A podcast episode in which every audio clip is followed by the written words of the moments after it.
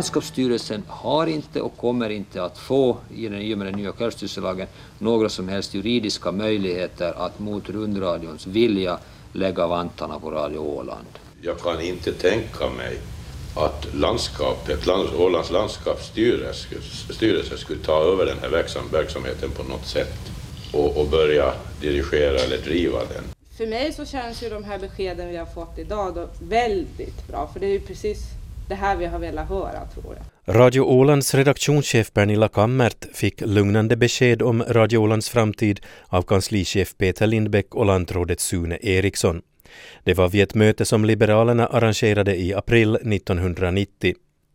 Och där inleder vi det här programmet som ska ge en bild av diskussionerna före landskapet tog över radio och tv-verksamheten, av hur Ålands Radio utvecklats och till sist lite visioner om framtiden. Historien börjar med den nya självstyrelselag som skulle träda i kraft 1993. Det skulle leda till att sändningsrätten eller koncessionsrätten för radiosändningar skulle överföras från trafikministeriet till landskapsstyrelsen. Och det skulle då enligt kanslichefen och lantrådet inte leda till att rundradions verksamhet på Åland skulle tas över av landskapet.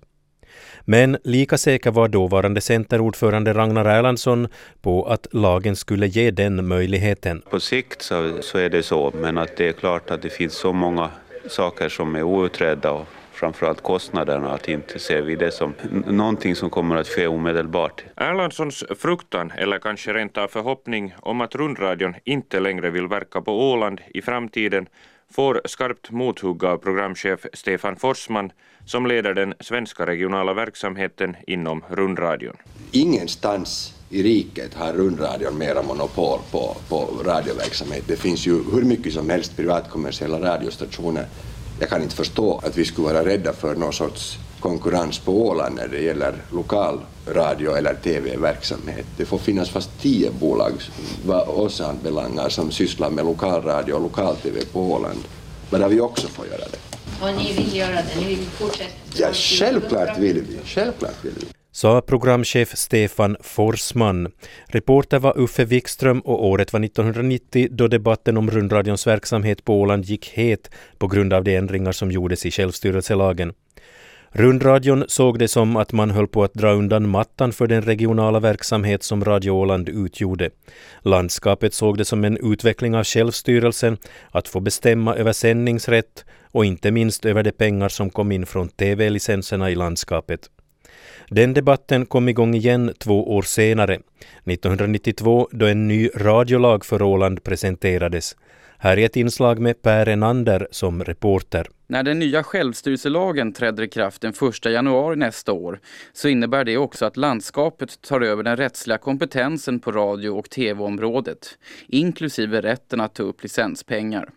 Det viktigaste kulturpolitiska målet i förslaget är att det ska bli mer svenskspråkiga program i radio och tv på Åland, oavsett om programmen kommer från Finland eller Sverige. Landskapsstyrelsen övertar då också rätten att utdela koncession, det vill säga rätten att sända radio eller tv.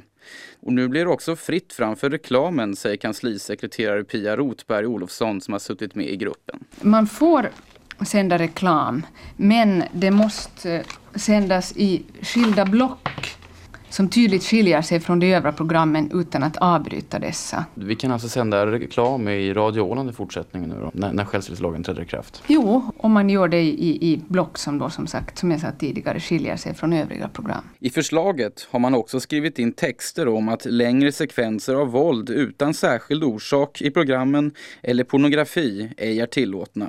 Och programmens etiska karaktär ska nu övervakas av en programnämnd som ska utses av landskapsstyrelsen. Frågan om Radio Ålands framtid är dock ännu oklar. Yleis Radio har nämligen koncession fram till 1999 och därmed rätten att uppbära licenspengar för sändningarna medan man från åländsk sida menar att man på Åland har denna rätt från årsskiftet. Det aktuella årsskiftet var 1992-93 och Bengt Bergman som då var direktör för rundradions svenska enhet var bekymrad bland annat över vem som skulle få de 8 miljoner mark som betalades i tv-licenser på Åland. Där finns eh, nog eh, vissa inkonsekvenser här som jag tror att vi vid förhandlingar med de åländska myndigheterna måste klarlägga. eftersom eh, landskapet utgår ifrån att de ska kunna uppbära licensavgift omedelbart när självstyrelselagen träder i kraft och, och, och, jag vet att det bland radiojuridisk expertis så vet jag att den här frågan som gäller eh, licensen vem som bär upp den och var den sedan placeras, att det är en, eh, det är en ganska komplicerad fråga. Vad är det som är kontroversiellt alltså? kärnan är väl den att licensavgifter uppbärs för rundradions verksamhet i Finland. Och om en del av Finland så att säga börjar själv bära upp licensavgifter så då är det ju ifrågasatt om, om det där om riket, riket längre är så att säga sammanhållet i, i den här meningen. Och det, den här lagen är ju vad jag kan förstå så är den ju skriven så att landskapet kan kan det där också bestämma storleken på licensavgiften vilket ju kan leda till att man på Åland har en betydligt högre licensavgift än vad man har, än man har i övriga delar av riket. Sa Bengt Bergman i maj 1992 och fem månader senare sa rundradion upp avtalet med Landskapsstyrelsen om Radio Åland. Den dåvarande programnämnden sparkades, rundradion och Landskapsstyrelsen tvistade men inledde också förhandlingar om samarbete. Parterna var överens om att tolka lagen så att rundradions koncession, alltså sändningstillstånd på Åland, skulle gälla till 1999. Men frågan om hur licenspengarna skulle användas när lagändringarna trädde i kraft 1993 var mer oklart. Lantrådet Ragnar Erlandsson, Centern, beskrev förhandlingsläget när landstinget debatterade radio och tv-frågan i november 1992. Från landskapsstyrelsens sida är vi givetvis beredda att föra en, en diskussion och komma till ett, ett avtalsläge som i första hand tar sikte på 1993 och eh, självfallet då också söker eh, ge antydningar, antydningar om hur man vill ordna den här radio och tv-verksamheten för framtiden. Centerns talesman i mediafrågor åtminstone i den här, Christer Jansson, verkade idag inte ha några invändningar vad tolkningen av koncessionstiden beträffar. Däremot var han och enligt egen utsago Centergruppen av helt annan mening om hur licenspengarna ska användas.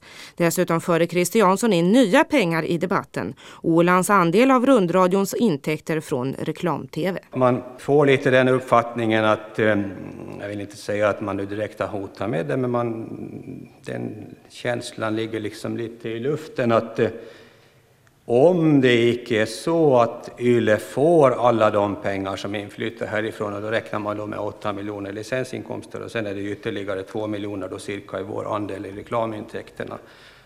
Vi har väl någon form av andel i dem också, förmodar jag. De utgör cirka 20 procent, eller lite under 20 procent av YLEs inkomster. Det vill säga det skulle vara ungefär 10 miljoner det som så att säga härstammar från Åland då i så fall. Om man inte får de pengarna helt och fullt, så då kommer man helt enkelt då ungefär att eh, upphöra med sin verksamhet här.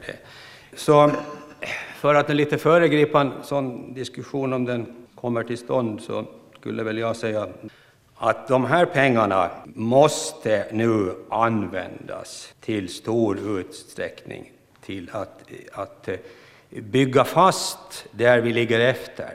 Alltså för att bygga flera sändare så att vi får bort den här bland-tv-problematiken. Sa Christer Jansson som sen återupprepade tesen att det inte lönar sig att förhandla med rundradion. Socialdemokraten Barbro Sundback gav sig in i debatten idag. Hon tyckte att de kulturpolitiska skälen till att behörigheten i fråga om radio och tv överförs till Åland inte har debatterats tillräckligt.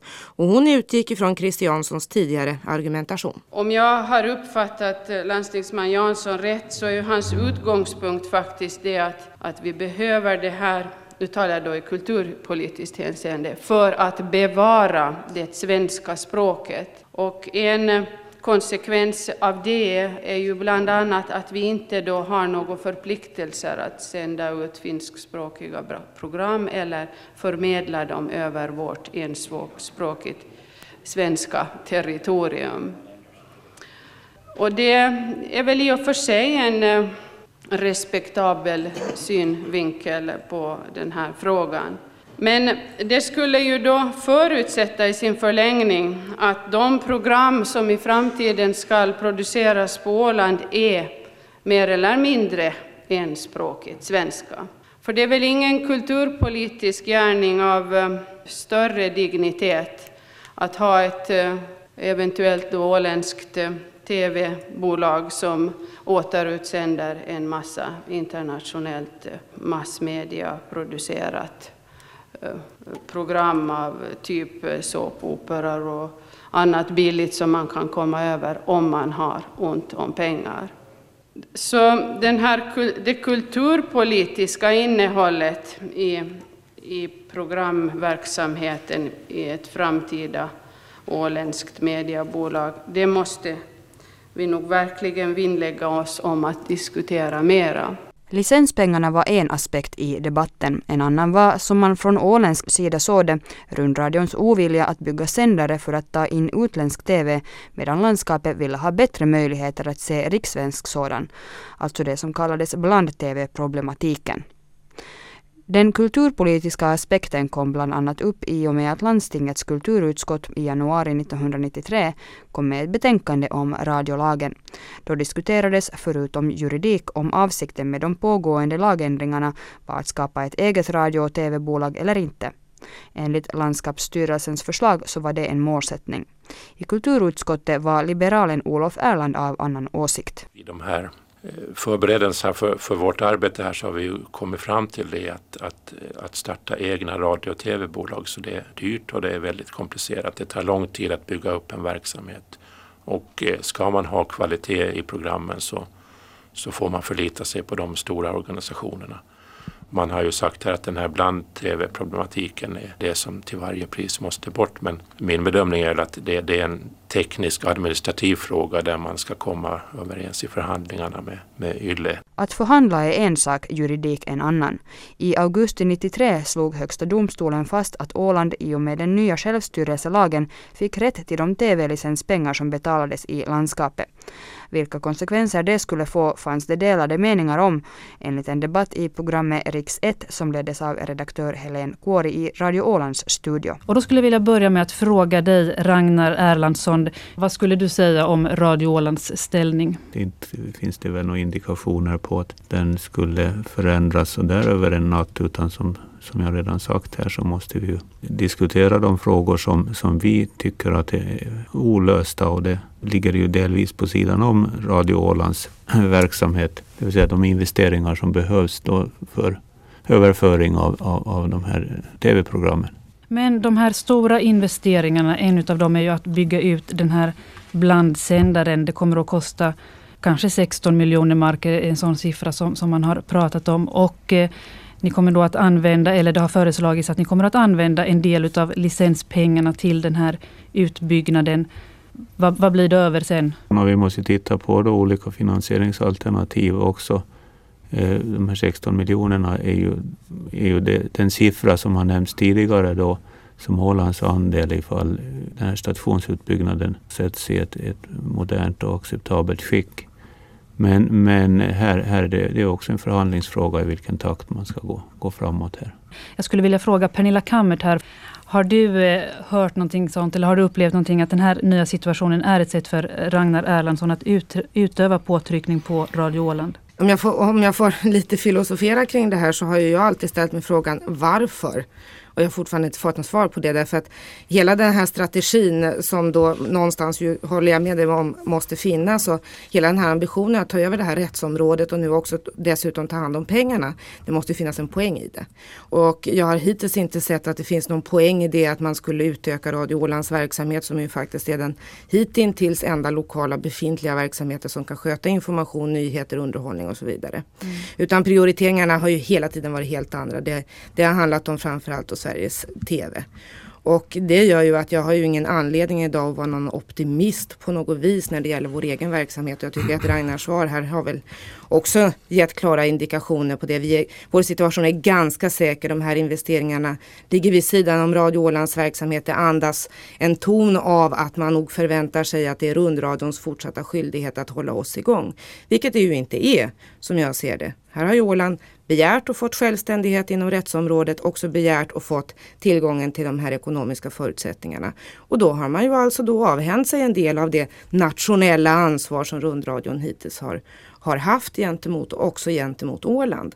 Så situationen är helt annorlunda och det borde Ragnar Erlandsson inse i, när man fortsätter att diskutera de här jo, sakerna. Men inte har jag förnekat det någonsin att, att så här är det, det här rättsområdet eh, var ju en del av självstyrelselagsrevisionen och det var ju aktuellt redan på, på 70-talet. Och, Jo, och det klarades av för flera år sedan. Jo. Jag skulle vilja vända mig till Olof Erland nu. Det finns de på Åland som ser det här kanske också som en möjlighet att uppträda provocerande mot riket av olika skäl. Det finns ju en nationalistisk strömning här som, som inte är officiell men som dock är en realitet. Det här finns i bakgrunden och, och jag tror att eh, det är viktigt eh, för lantrådet eh, i det här läget när vi kan säga att vi har en helt ny situation. Vi har fått ett utslag i Högsta domstolen. Vi har en lag som gäller att man försöker klargöra de massmediapolitiska riktlinjerna på Åland. Vi har också efterlyst ett massmediapolitiskt pro- program.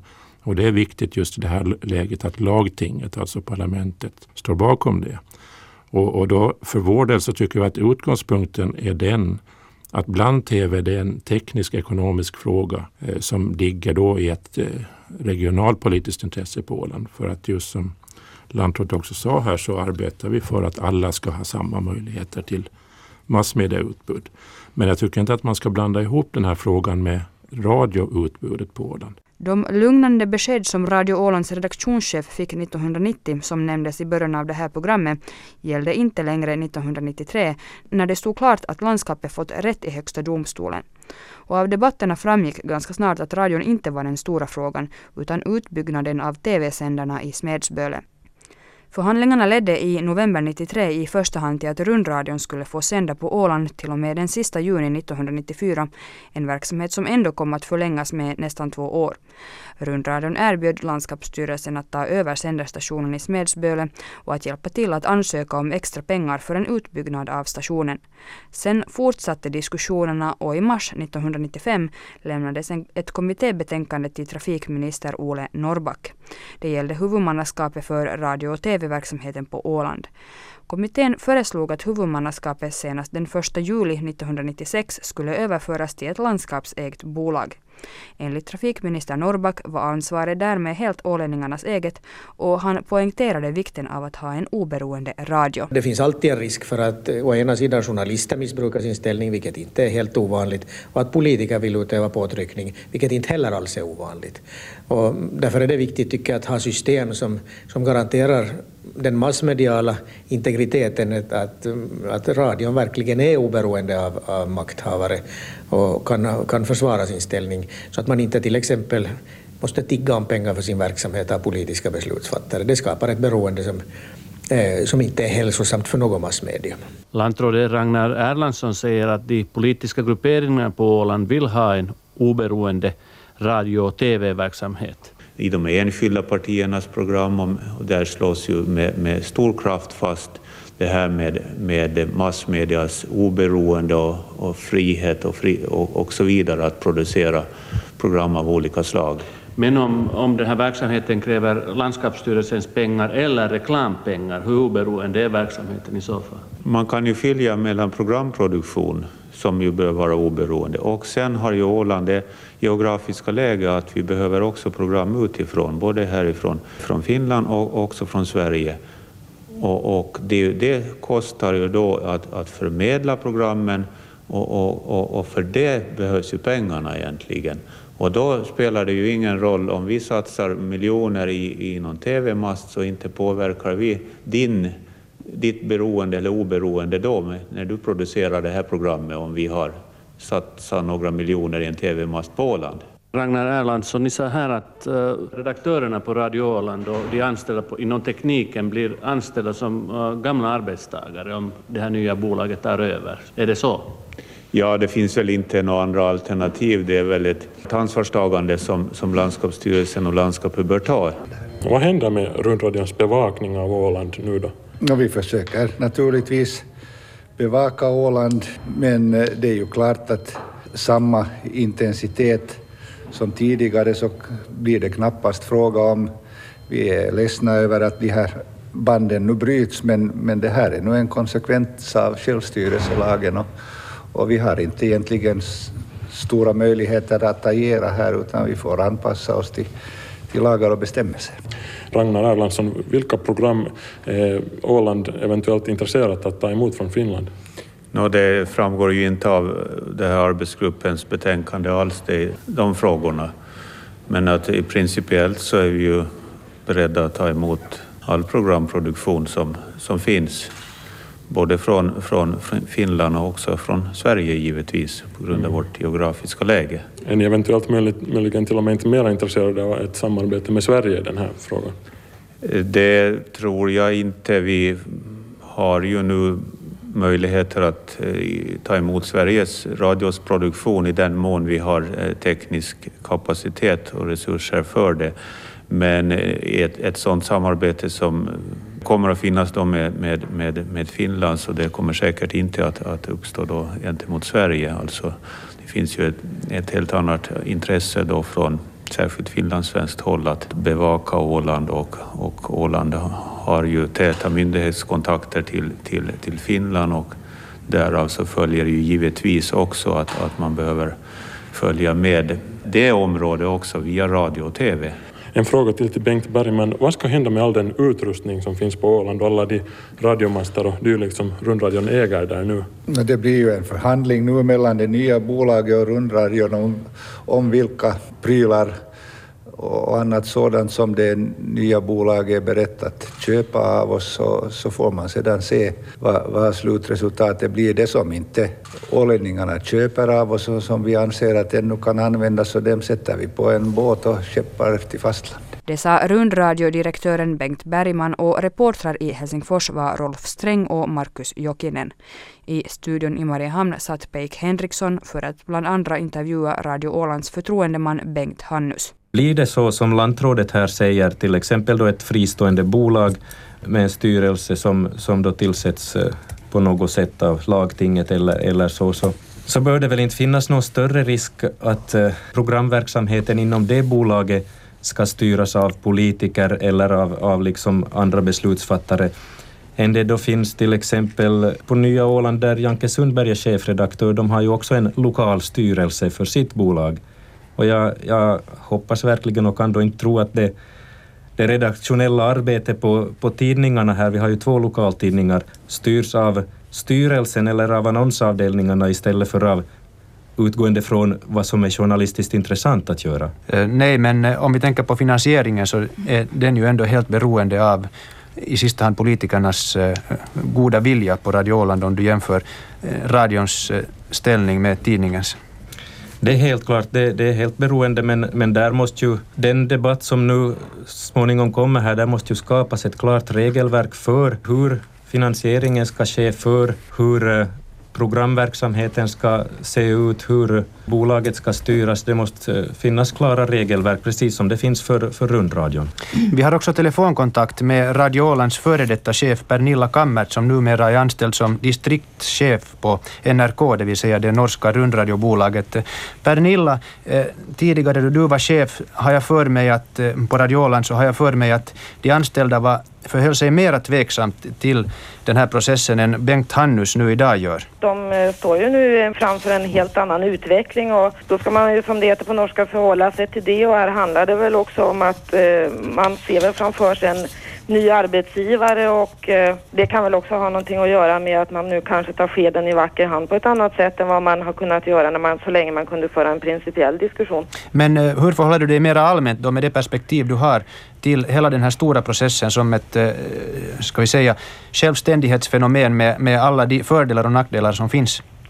Ja, jag är ju inte på något sätt då förvånad över att det här är resultatet. Vi har ju sett landskapet olika parti, partier och andra manövrera utvecklingen i den här riktningen ända sedan den nya självstyrelselagen kom på bordet. Så att, eh, och jag menar uttryckligen med, med ordet manövrera så har man alltså utnyttjat eh, lagstiftningen på olika sätt så att man alltså har hamnat i den här situationen och vad jag då menar att vad jag ser här att landskapet egentligen inte hade velat ta över hela klabbet utan gärna vill gärna se ett samarbete med rundradion som skulle behålla tekniken och sånt. Och så står man här nu när rundradion säger nej till det och säger att oj då, det var ju inte riktigt så här vi hade tänkt men vi ska nog förbarma oss över alltihopa och garantera personalens fortsatta välstånd och vällevnad och att det inte ska bli några eh, förändrade linjer och vi garanterar obundenheten och sånt.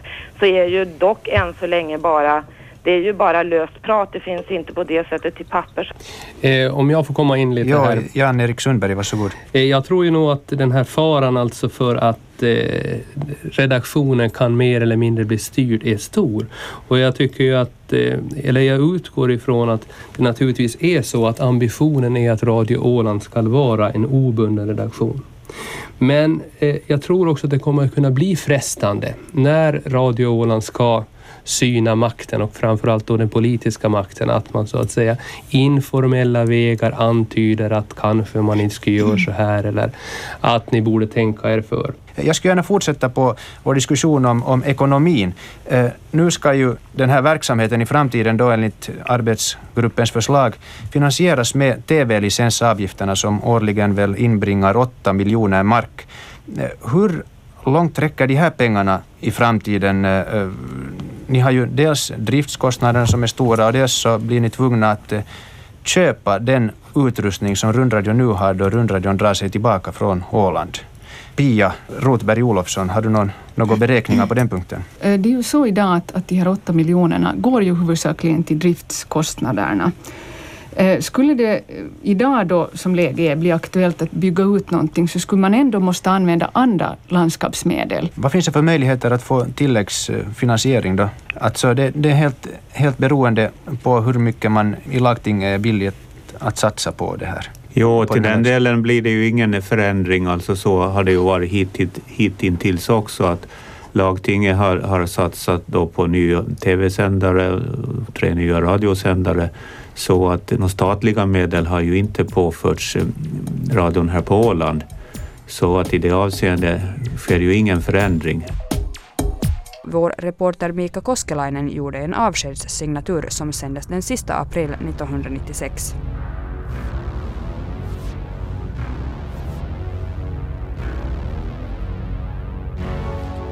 Helsinki Kallar Radio Åland, Yleisradio Kallar Hallå, Radio Åland. Hallå, Radio Åland.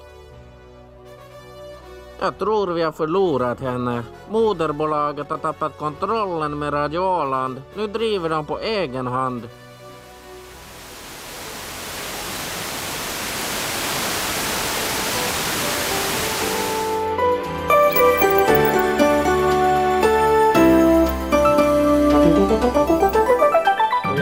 Vilja fråga om Ray Söderholm, förvaltningsrådets ordförande, kunde komma fram hit och eh, jag kunde så här symboliskt överräcka den rundradioverksamhet vi hittills har haft ansvaret för här på Åland till eh, Ålands Radio och TVs eh, förvaltningsråd och förvaltningsrådets ordförande.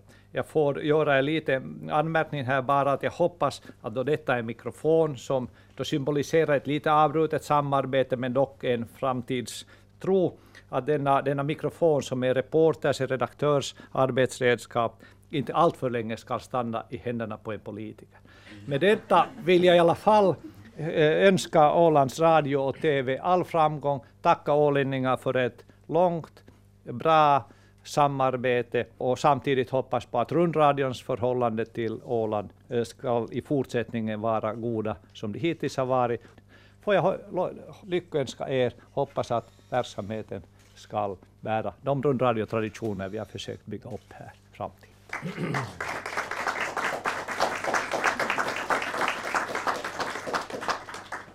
Ja, jag ber att få tacka så mycket på Ålands Radios vägnar jag har inte tänkt hålla något anförande i det här skedet, men jag hade alldeles definitivt att jag tänkt att jag skulle försöka tillföra den här symboliska mikrofonen en, en dimension av det slag som du just antydde genom att överlämna den så snabbt som möjligt till redaktionschefen i nuet, Ann-Kristin Karlsson. Och minns nu att jag har gjort detta. Jag lovar att det ska finnas. Det var rundradions VD Arne Wessberg som överlämnade en mikrofon till Ålands Radios förvaltningsråds ordförande Ray Söderholm. Den officiella invigningen hölls den 10 maj 1996. Då hade det landskapsägda bolaget Ålands Radio och TV AB bildats med ett aktiekapital på 3 miljoner mark och licensintäkter på drygt 5 miljoner mark det året. Sändningstiden var fyra och en halv timmar och det första beskedet Ray Söderholm fick ge till nytillträdda redaktionschefen Astrid Olhagen var att börja sända mera. I varje fall så har förvaltningsrådet och styrelsen tillsammans diskuterat de yttre ramarna och i dem ingår då besked från oss att vi önskar oss 12 timmars sändningstid och för det så ska radiobolaget få 8 miljoner i runda tal för att förverkliga. Men betyder det mera personal? Vi har inte gått i författning om vad det exakt betyder men vi inser nog att det kan betyda mera personal. Ray Söderholm har tidigare förespråkat ett samarbete på samma kanal mellan Ålands Radio och Radio 93. I dagens läge är det samarbetet inte aktuellt och Ray Söderholm har nu ändrat åsikt i frågan. Jag är inte alls så säker på det idag. De, de upplysningar, de, den information vi fick nu i lördags indikerar nog att eh, man kanske är tvungen att ändra sig när man inser att man möjligen hade fel från början. Vilka förhandlingar med andra bolag pågår idag? Jag har för mig att eh, svenska P4 till exempel finns med i bilden. Hur är det med rundradion? Jag har sett det som att signalerna därifrån är gör det att det verkar lite osäkert. Man har, bland annat så har man begärt en helt huvudlös summa när det gäller att förse Ålands Radio med nyheter. Så signalerna därifrån är inte sådana att vi riktigt jublar i högan sky just nu, utan vi tror att vi ska vara lite försiktiga och se tiden an. Det verkar alltså i dagens läge troligt att rundradions svenska riksnyheter inte hörs över Ålands Radio efter årsskiftet. Och det är inte sagt att Ålands Radio själv har resurser att bevaka rikshändelserna, säger Ray Söderholm. Jag har en alldeles bestämd känsla av att vi just nu inte alls har de resurser som behövs för det där. När blir vi på det klara? När fattas besluten om mera personal? Eh, vi kommer att träffas igen ganska snart när det gäller budget och kalkyler för nästa års verksamhet och också hur programmen ska se ut. Så på den här sidan om julen alldeles säkert. Men redaktionen borde ju ändå ganska tidigt veta vad man har att vänta för nästa år. Redaktionen i det här skedet kan bara vänta sig att producera 12 timmar program för 8 miljoner. Beskedet om att Ålands Radio ska fylla 12 timmar per dag efter årsskiftet kom i lördags och redaktionschef Astrid Olhagen har inte ännu hunnit räkna ut hur det ska gå till. Ja, jag tänker börja med att försöka fylla de där 12 timmarna. Sen vad det blir för miljoner, det får vi väl se. Det är ju alldeles uppenbart att vi inte klarar av att tredubbla sändningstiden med samma personal på redaktionen. Det, det, menar, det säger sig själv. Däremot så behöver vi inte tredubbla personalen för att tredubbla sändningstiden för att man kan få ganska många bra tröskeleffekter när man sänder mera. Men att det är alldeles uppenbart att det inte går att göra det på, på den personal som vi har idag. Följande år, 1997, utökades sändningstiden rejält och redaktionen förstärktes med tre projektanställda journalister. Det blev radiobingo en kort period, morgonnyheter och en lyssnarundersökning som Ålands statistik och utredningsbyrå gjorde visade att Ålands Radio var den mest populära kanalen. Landskapet byggde ut sändarstationen i Smedsböle för 1,4 miljoner mark och i mars 98 invigdes en ny tv-sändare som gjorde att bland-tv delvis försvann. Med andra ord att alla ålänningar kunde se Sveriges TV 1 och 2 ograverat medan blandningen av de finländska tv-programmen fortsatte. Den politiska debatten om Ålands Radio och TV fördes främst i samband med den årliga landskapsbudgeten, men vid bolagets femårsjubileum i maj 2001 var bolagets styrelseordförande Ben-Erik Alm nöjd med utvecklingen. Det är klart att i början så hade vi vissa trösklar som vi skulle ta oss över och jag tycker vi har klarat det bra och vi har en bra åländsk radio som jag bedömer det med, med de resurser vi har. Av 95 inbjudna gäster kom ungefär 70 på festen. En av dem var Gunnevi Nordman som sitter i förvaltningsrådet för Liberalerna. Och hon är nöjd med de första fem åren med en egen åländsk public service-radio. Det har hänt en del saker som jag ville från början. Jag tänker på de här kulturprogrammen till exempel.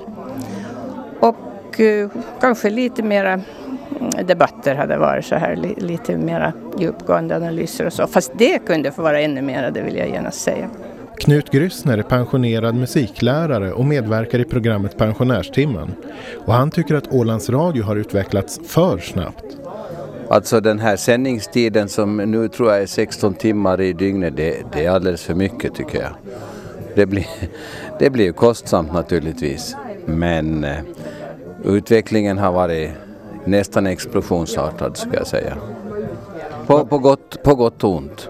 Jo, för att man, man ska ju hinna eh, ta till sig allt och kunna få en eh, strategisk linje liksom och den där linjen har, inte, har jag inte riktigt sett så klart och tydligt ännu men annars är det fint. Det finns fin utrustning och ytterst duktiga reportrar här. Så att jag är stolt över att vi har Radio Åland, absolut. Sen har jag ju vissa synpunkter på, på den musikaliska sidan som inte alla andra har men att eh, jag hörde till den där äldre generationen som, som gärna vill ha lite lugnare musik.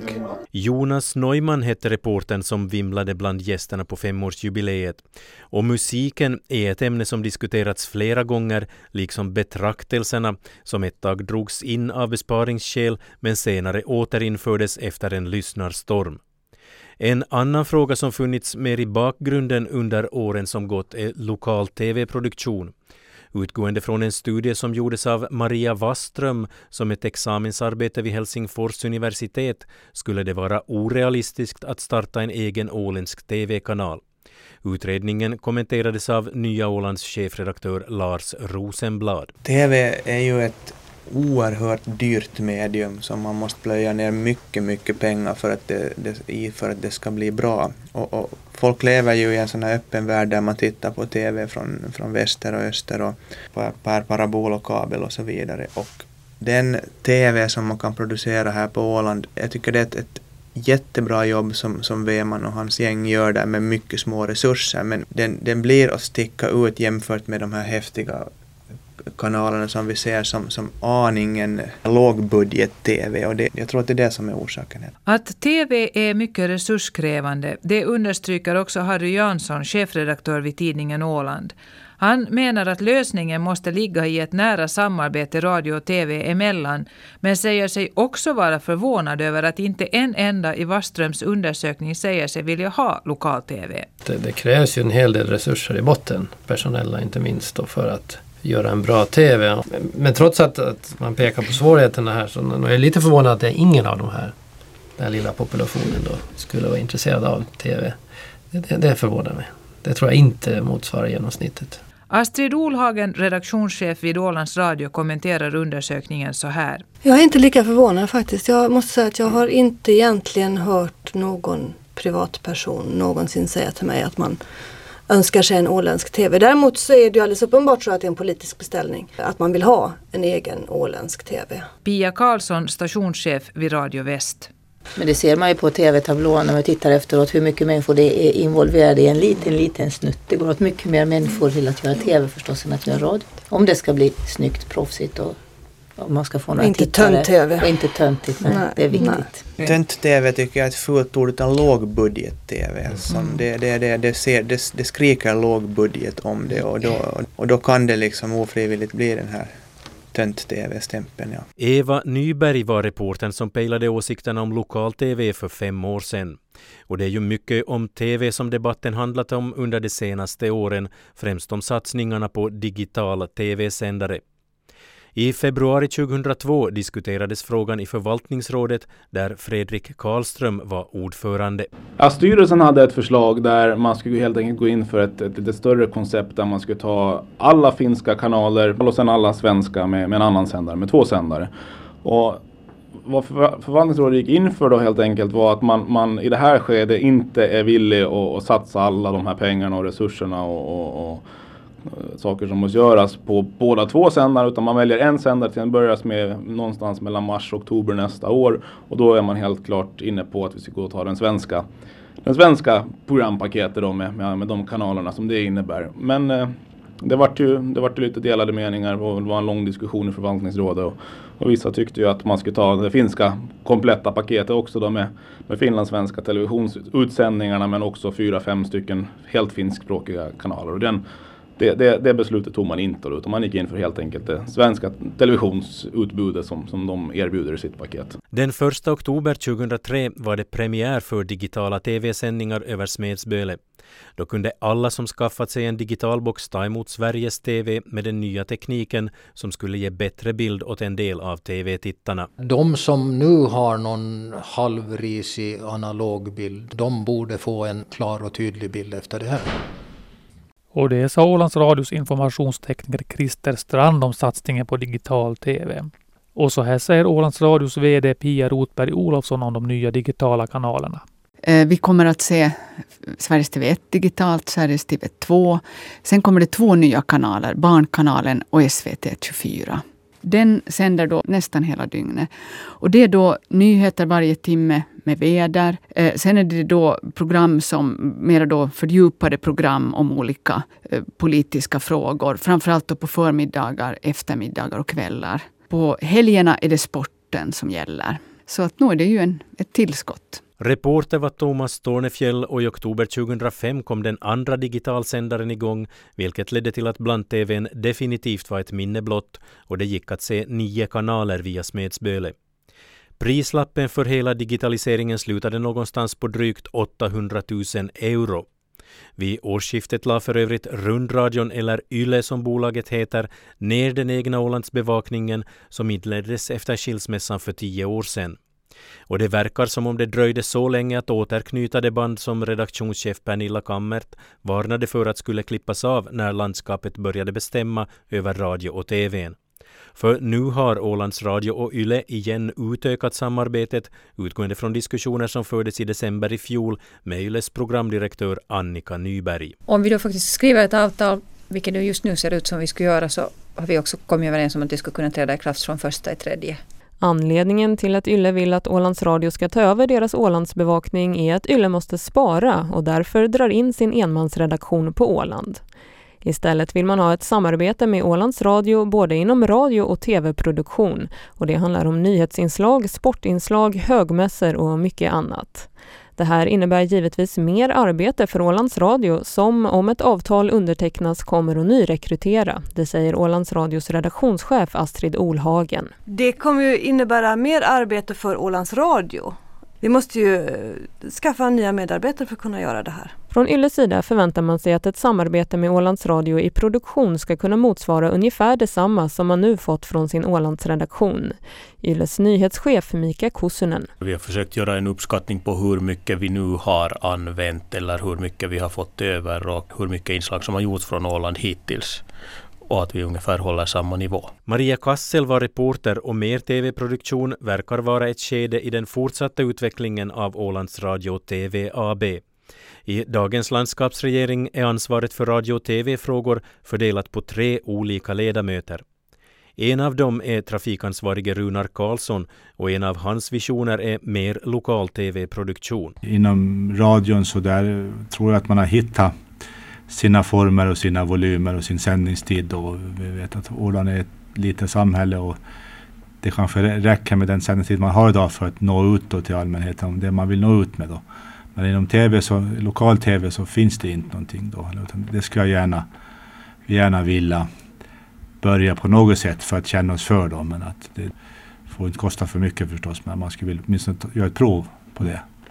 I och med digitaliseringen nu så blev det ju kan man säga en kanal öppen. Är det en kanal för åländsk TV det då? Ja, vi har ju lite sneglat på det i och med att tekniken har gjort och det finns en möjlighet nu då. Vi har ju lite satt igång diskussionerna här i huset och lite politiskt och fundera och det är klart allting ska ju mogna så det är kanske inte riktigt moget till nu. Och, och stötestenen är ju alltid det här med finansiering då av det då. För att uh, radion tar ju en del pengar och, behöver få det man får idag. Så att, och, och inte, när vi inte ska ha reklam, vilket vi inte kan ha, så kanske man skulle gå in på det här med, titta om det finns sponsoreringsmodellen istället då. Att det, man skulle försöka få pengar utifrån då så att man skulle kunna ha någon TV, tv-sändning då. Och då har väl tanken varit lite då att man skulle låta folk där ute producera program. Och Orange Radio och TV skulle, skulle sända det då. Åtminstone delvis i alla fall. Och, och på det viset kanske det skulle uppstå lite sån verksamhet ute i bygden också då och här i Mariehamn och så vidare då. Före landskapet tog över så var det mycket diskussion om just vart eh, licenspengarna ska räcka till och om det behövs extra pengar för verksamheten. Eh, kan man säga att eh, politikerna nu också tycker att man har hittat en ungefär lämplig form när det gäller kostnader? Jo, jag, jag tycker nog att den här kritiken som var en gång i tiden så har definitivt lagt sig. Jag tycker alla är överens om att det, det radion kostar idag så det är väl ungefär så mycket den ska få kosta då. För att det är ju, vi måste komma ihåg att det är viktigt i, i alla demokratier att det finns en oberoende radio som kan kritiskt granska då oss politiker och, och annat i samhället. Då. Finns det inte det så, så har vi egentligen ingen, ingen riktig demokrati. Så det är viktigt och, och det måste kosta och någon måste betala det och då är det ju så att, att det är skattebetalarna på, på någon form som ska betala det förstås då. För att annars är det ju så att har man en radio som är beroende av någon eller några så då, då blir det ju vinklat och vi vet ju att det finns ju sådana länder som har det så och då, det, då är det ingen demokrati längre. Men TV är alltså det är framtidens utveckling för det lokala bolaget? Ja, no, om, man ska, om man ska hitta en utveckling, som jag sa, så, så, så är, har, tror jag radion har sina volymer och innehållet ska ju journalisterna där bestämma över. Och, och om vi då ska ha någon vision så är det den tv-biten då. Som sagt, i och med det att, att utvecklingen har gjort att, att det blivit mycket billigare med, med tv. Det kommer säkert också att bli billigare och det kan också föda som sagt en del företag ut på Åland. Men, men för att komma igång med det kan man kanske utgå ifrån att det behövs lite pengar i budgeten då. Hur snabbt kan vi tänka oss det? Är det eh, om tio år, fem år eller är det redan nästa år? Ja, no, vi hade ju som sagt en liten vision att man skulle ha något, no no no mindre antal pengar för det här under treårsperiod. Men att det, det har inte riktigt som sagt mognat politiskt tror jag nu det utan jag kan väl tänka mig till att, att, att det här kan bli en diskussion kanske i valrörelsen och, och strax efter valet då när det blir en ny regering då att man, att man där tar med det i handlingsprogrammet då. Att det, det är väl en så pass ändå eh, stor, stor sak kanske det inte är men det är i alla fall en, en, en så pass stor förändring då för, för radio och tv-verksamheten då på att man borde ta med det där då. Och vara politiskt överens då att man kanske på något sätt gör det här och kanske som du säger i början då eh, sätter in lite skattepengar för att sen då säga då att från och med år tre då så ska man vara sponsorerad på något sätt. Nu är det inte heller lätt med sponsorering heller. Som sagt just med det här, man måste komma ihåg att det ska alltid vara oberoende. Alltså det är vem sponsorerar och hur, hur, hur beroende av även man sponsorn på något vis. Sen. Så att det, det är inte lätt att hitta de formerna men att det här är nog de, de visionerna jag och tror också Camilla Gunell har. Eh, Camilla Gunell, du är kulturansvarig och en av dem som ska ha radio och tv-frågor på ditt bord. Har du några speciella visioner för utveckling av det landskapsägda radio och tv-bolaget?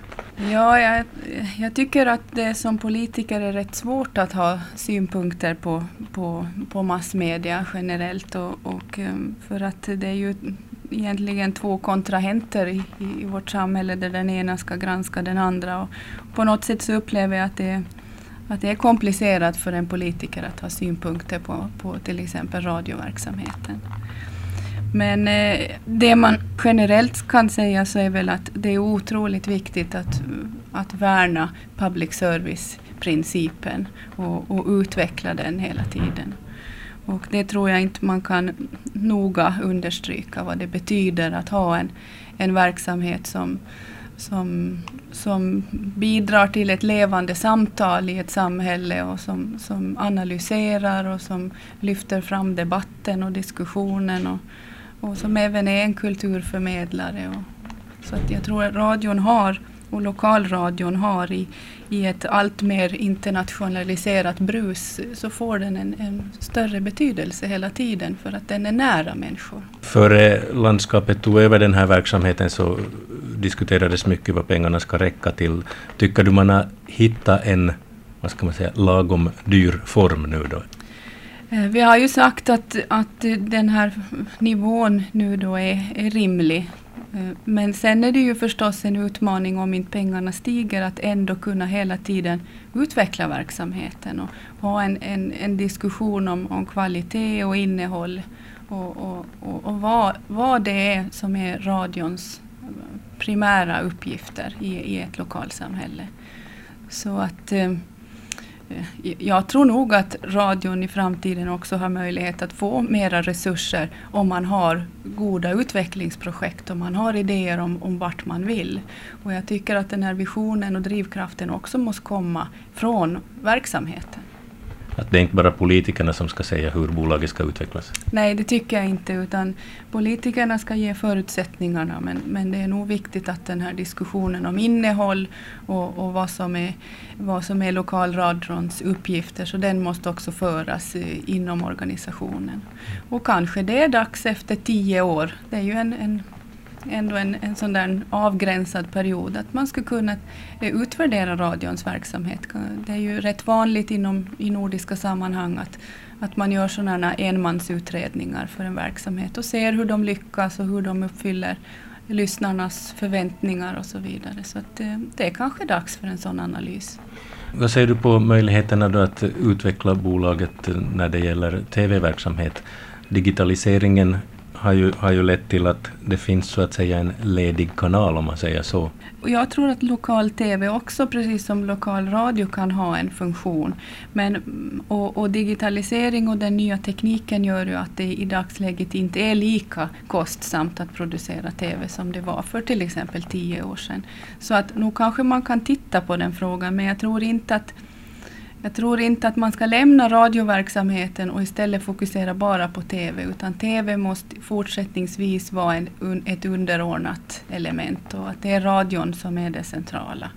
Och att, att TVn sen kan man kanske pröva olika pilotprojekt och, och, och se då, pröva sig fram lite grann. Sen har vi ju också privata eh, TV-producenter på Åland och, och de Eh, behöver kanske också ges utrymme vad det gäller den tekniska sidan så att de kan köpa in sig och nå ut då med, med reklamfinansierad TV. Och, och, då behöver man kanske se över den här bolagsformen om man borde särskilja då Smedspöllesidan och den tekniska sidan från själva produktionsverksamheten. För då tror jag man kunde den är ju sen då, den tekniska sidan, inte knuten till att, att icke vara reklamfinansierad och så vidare, utan då har man en då kan man då sälja det utrymme som finns ledigt för, för de här eh, privata producenterna. Så man kan säga då att en, en utveckling av TVn behöver absolut inte nödvändigtvis ske inom ramen för egen produktion inom Ålands Radio och TV? Det kan vara både och tror jag, för att eh, om jag förstått det rätt så vill ju kan ju radion i dagsläget nu producera tv-inslag också för Finlands, eh, Finlands eh, TV och, och, och, det är ju väldigt bra det för att det är olyckligt om, om Åland lämnas utanför den finländska TV-bevakningen. Så att det tycker jag är ett bra samarbete som man, man nu håller på att utveckla där. Och, och då i kölvattnet av det att, att Ålands Radio och TV faktiskt producerar sen TV-inslag, att då kan man också fråga sig vad kan vi göra för vår egen publik med TV? Men att jag tror att det fortsättningsvis handlar om i, i, liten, i liten skala och att man måste kanske ha något pilotprogram eller lite, eh, något pilotprojekt först. Eh, som vanligt så brukar det handla om pengar när man ska eh, börja med någonting nytt eller olika typer av pilotprojekt. Eh, är det någonting du tror att eh, det kan finnas budgetmedel för inom de närmaste åren? Jag tror att det beror väldigt mycket på eh, radions egen ambition och egna initiativ och hur man, hur man också driver på i de här frågorna och vad man vill då med det här. Sen, eh, sen tror jag inte att, att eh, har man bra projekt så finns det, brukar det finnas pengar men det är ju ingenting man kan slå fast så här direkt utan det är ju en, en utveckling. Och, och, jag tror att, att det finns intresse av att pröva nya former för, för media och speciellt då för, för ett samhällsbolag som, som eh, radio och TV. Det är ju viktigt att, att man hänger med i, i utvecklingen på alla plan. Eh, redaktionschef Astrid Olhagen, vilka är ambitionerna för framtiden? Finns det utvecklingsmöjligheter för radion? Ja, det tycker jag att det fortfarande finns. Vi kan naturligtvis alltid bli, bli bättre på det vi gör. Eh, men det som jag kanske också ser är att vi fick ju krympa vår kostym här för några år sedan när vi fick ta bort våra kvällssändningar och de tycker jag att jag gärna skulle återinföra. Det går inte med, med budgeten i den storlek som den är nu. Men det är en sån där ambition som jag skulle kunna ha framöver. Att man, att man faktiskt skulle kunna återinföra de här specialmusikprogrammen framförallt var det som, som vi, vi sände på kvällstid som vi var tvungna att ta bort. Och det är ju också ett, ett public service-ansvar att se till att olika sorters musik, både lokalt producerad och annat, får möjlighet att, att höras i vår radio. Eh, behövs det mera pengar för det? Jo, jo, det var ju av rent ekonomiska skäl som vi var tvungna att ta bort det helt enkelt. Så det, det handlar om mera, mera pengar till radiobudgeten i så fall. Men sen om man pratar om uh, utveckling inom tv-området, då var, hur ser du på möjligheten att uh, Ålands Radio under nuvarande förhållanden ska kunna börja producera tv också? Ja, alltså, saker och ting har ju förändrats på de här tio åren och det som har hänt alldeles nyligen då är ju det att vi nu alltså har en, med de digitala sändarna så har vi en egen Ålandskanal som idag står tom i stort sett. Det kommer inte ut någonting annat än en skylt där det står Ålands Radio TV på. Uh, och där skulle min första ambition då vara att man kan lägga in våra telegram, våra nyhetstelegram, att de ligger och rullar så ungefär som en text-tv-funktion. Det, det, borde inte innebära några, några större kostnader utan det är mer en teknisk grej. Men då skulle det åtminstone bli en kanal som, där det rör sig lite grann. Men sen tycker jag ju att det skulle vara oerhört intressant att kunna börja med tv-produktion. Alltså vi har ju nu i huset börjat med tv-produktion eftersom vi har det här avtalet med Finlands rundradio och Yle. Att vi producerar tv-program varje vecka till dem eh, alltså korta nyhetssnuttar och sånt där. Men det innebär ju att vi bygger upp en kompetens på tv-området här i huset som vi borde kunna använda också för att göra lite längre produktioner. Det förutsätter naturligtvis också då att vi har folk som kan syssla med det bara. Eh, om man ska producera mer än vad, än vad vi gör idag då. Eh, så det betyder ju också kostnader men där tycker jag nog att man borde kunna försöka med något slags pilotprojekt. Och då tycker jag också att man skulle försöka involvera de här andra tv-producenterna som finns på Åland. Att man skulle kunna köpa in program, de program som de producerar som håller public service-standard. En del utav de program som produceras gör ju det, men inte alla. Men sådana program som håller en sån standard tycker jag utan vidare att man då skulle kunna sända ut över, över vår sändare på Smedsböle också så att hela Åland kan se de här programmen och inte bara de som är uppkopplade till kabelbolagen. Har vi råd med det då? Inte med den budget vi har nu utan det måste, det måste vi ha specialpengar till i så fall, projektpengar. När tror du vi kommer igång med tv-produktion? Ja, jag när, är när... ju en optimist, alltså jag är ju en optimist så varför inte 2007? Med den optimistiska visionen avslutar vi det här programmet om Ålands Radio som idag firar 10-årsjubileum. Jag som gjort programmet med hjälp av Eva Ringbom heter Bengt Hannus.